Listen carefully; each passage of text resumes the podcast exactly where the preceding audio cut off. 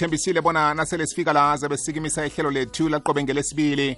Asibambane disability show la sikhambisana khona ne-dpsa esifundeni sangempumalanga esibe notom mashiya sibe nabo kenneth wakwasithole nabanye abaningi. Namhlanje sisithinda ihlangothi lomthetho. Ngikhambisana no-advocate upete mahlangu vela kiyo imahlangu atennis inc okunguyeko zaba sihlathulela ngamalungelo ngombana-ke kuqakathekile ukuthi nawumuntu okhubazekileko ngokwazi ukuthi amalungelo ajame njani begodwa nomthetho eh ukuvikela kangangani njengesakhamuzi sesewula Afrika. Ukukhubazeka bakwethu sikufumana ngendlela eziningi ezahlukahlukeneko. Abanye bethu ukukhubazeka sikufumana ngengozi zendleleni. Abanye bethu ukukhubazeka sikufumana ngobuchapha nobudlapha obenzeka embedlela abanye bethu ukukhubazeka sikufumana ngobulelesi obenzakalako emphakathini yethu. Eh abanye bethu ukukhubazeka sikufumana ngamalwelwe ahlukahlukeneko abanye ukukhubazeka sibelethwa nakho. Yeke ingakhani umthetho mina njengomuntu okhubazekileko ungisekela bongisiza nakufika kuphi. Khona advocate uzathi fahlafahla lapha nalapha siyathoma-ke ukuthi-ke silikhambisane naye ngaphathi kwaleli hlelo.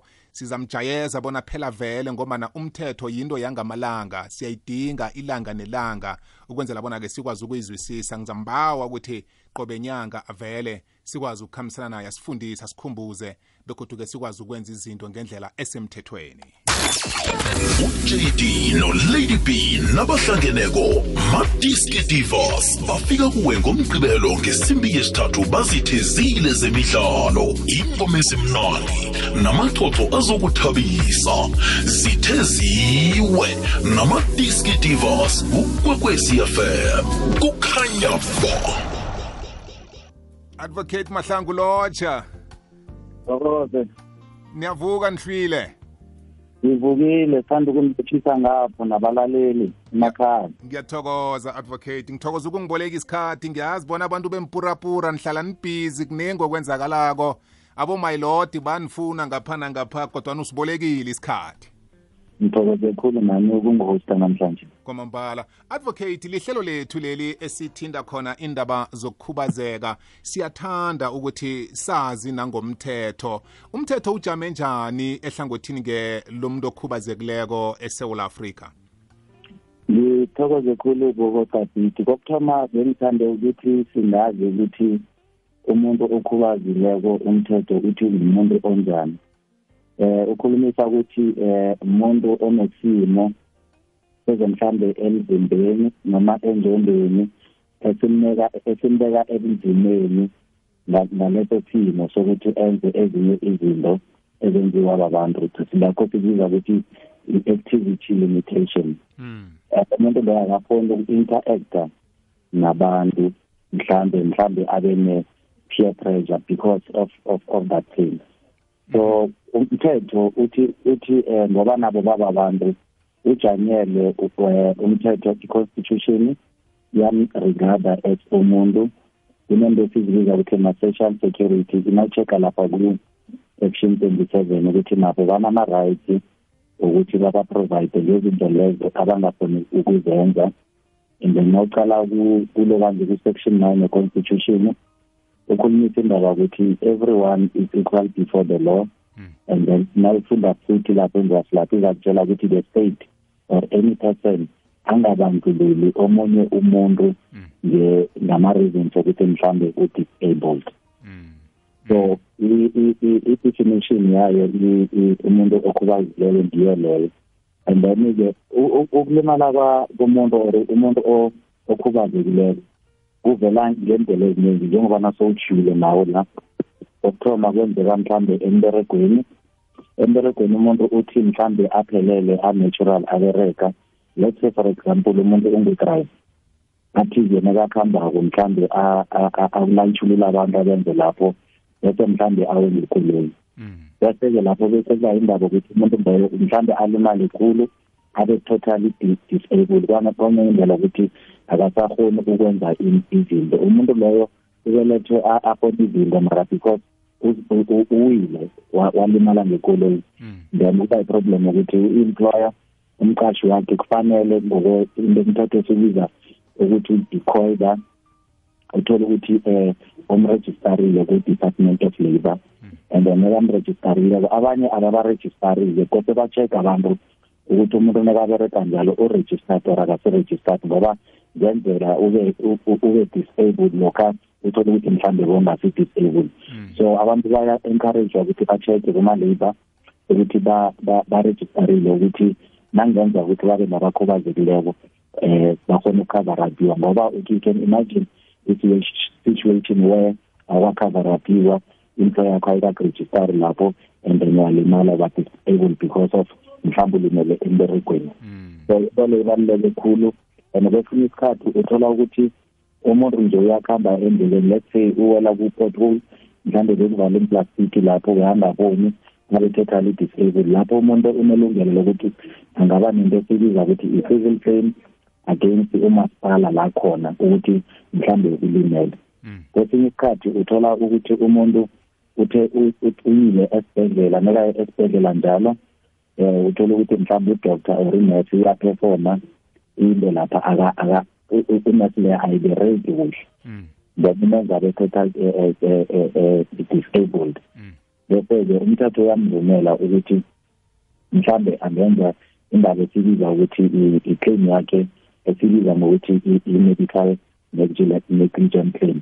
So abantu kufanele babe careful ngento ezinjengalezo ngoba kuyenzakala ukuthi umuntu abe buhole uthole ukuthi kuyangasi that is why i-government iphe izinto esizibiza ukuthi ma-NGOs ama-non-governmental organization where mhlambe provider nama-shelters wabantu lawo mhlambe. But sometimes uthole ukuthi uya-applya let's say i-disability form lapha ku-social um kusasa uthole ukuthi baku-approva ukuthi ube njalo bakunikeze imali leyo. Into enye kose bayihlogomele khulu ukuthi na uthole ukuthi u-disable kungenzeka ukuthi mhlambe into esibiza ukuthi i-local fund yakho ibe limited. Nasikhuluma ngendaba ye-local fund sikhuluma ngokuthi umuntu loyo akanayo i-capacity yokuzenzela imbezo once ikhotho mhlambe imdeclare ukuthi incapacitated. So kunomehluko phakathi kuba disabled nokuba incapacitated and nokuthi mhlambe umuntu abe ne-long term injury. Mhlambe let's say umuntu uyalimala emberegweni ngaba mhlambe ngezinye izindlela. Uthola ukuthi nekahlalako uba wheelchair bound. Nekaba wheelchair bound. I-question before emthethweni kuzokuzwisisa ukuthi uyakhona ukuzenza izinto zakho lezi bokade ziperforma na? Nazi ukuthi mhlawumbe usakhona angeke sathi u-disable but ngomunye umuntu uthole ukuthi sekuhamba ngalokho bakungakhona ukuperforma ezinye izinto.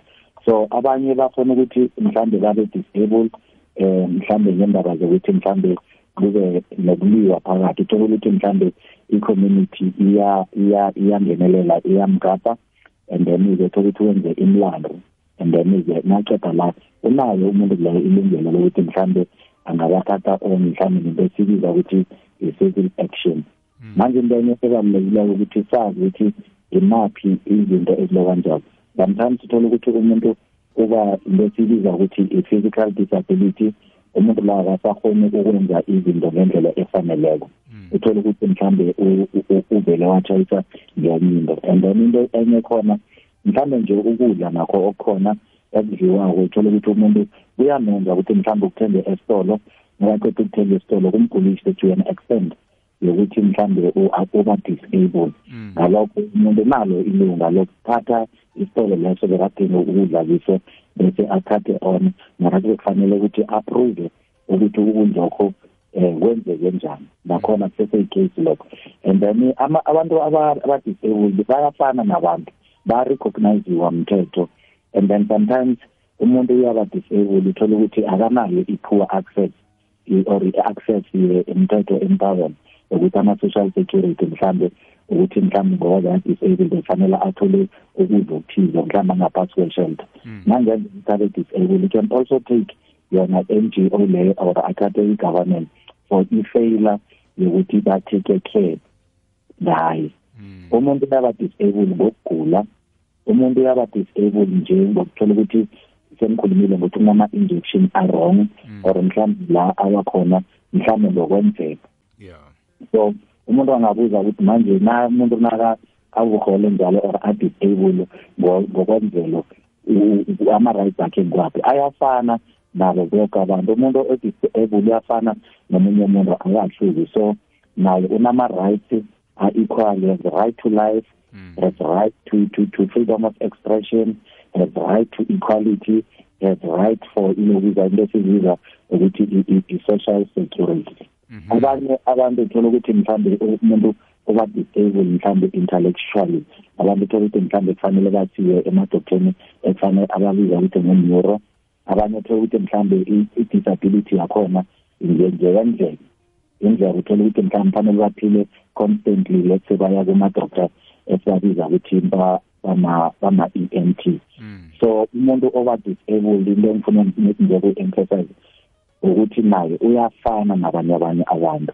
Imikhakha ekhona labanye abantu bayakhona eh uyafana naye. Umuntu angazinyazi ngokuthi u-disable umuntu ufuna a-check ukuthi into enjalo ubelethwe nayo or ikhose ngenye into. Mara ma ikhose ngenye into kukakose aloka nje abe nama-right okuwasiwa siya-check-a lapho ukuthi mhlambe ngaba ngudoctor or mhlawumbe ngaba mhlawumbe nje kuthi kukhamba endleleni omunye wafike wacula ngekolo wadlula into ezinjengalezo.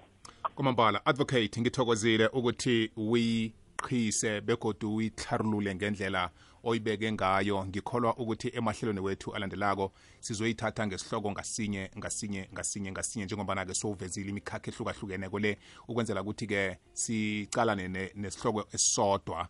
Eh lapha siza kungenelela khona ngemibuzo. Kwanamhlanje uhlathulule kuhle khulu kwamambala. Ngiyathemba ukuthi umuntu okhubazekileko nemndeni enabantu abakhubazekileko emakhaya kulesi sikhathi sekayakhona ukubona umuntu ukuthi eh ngisesenobhadekelo emthethweni ngisesenobhadekelo ekutheni ngivikeleke ngokwamalungelo akhona ngaphakathi komthetho sekelo weSouth Africa sekufuna nje ngibe nelwazi ekufanele ngilisebenzise ukuthi ngikwazi ukuvikeleka. Advocate ngaba kuhle ukuthi ubanikele inomboro zakho? Eh nendlela mhlawumnye la nitholakala khona ngoba kungaba nomunye odinga ukuthi-ke azibuzele okhunye thina esingakakuthindi namhlanje.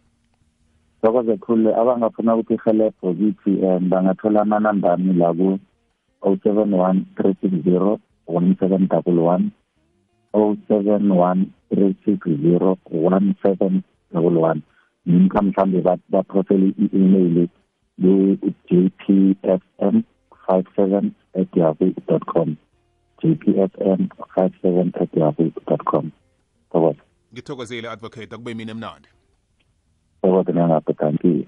Kwamambala ngu-advocate upit mahlangu ebesikhulumisana naye elangeni lanamhlanje. Kanti-ke inomboro wakhe nakuthi awukayibambi ngu-071 360 1711 071 360 1711 sebenzise kuhle inomboro leyo mntu omkhulu hloniphe.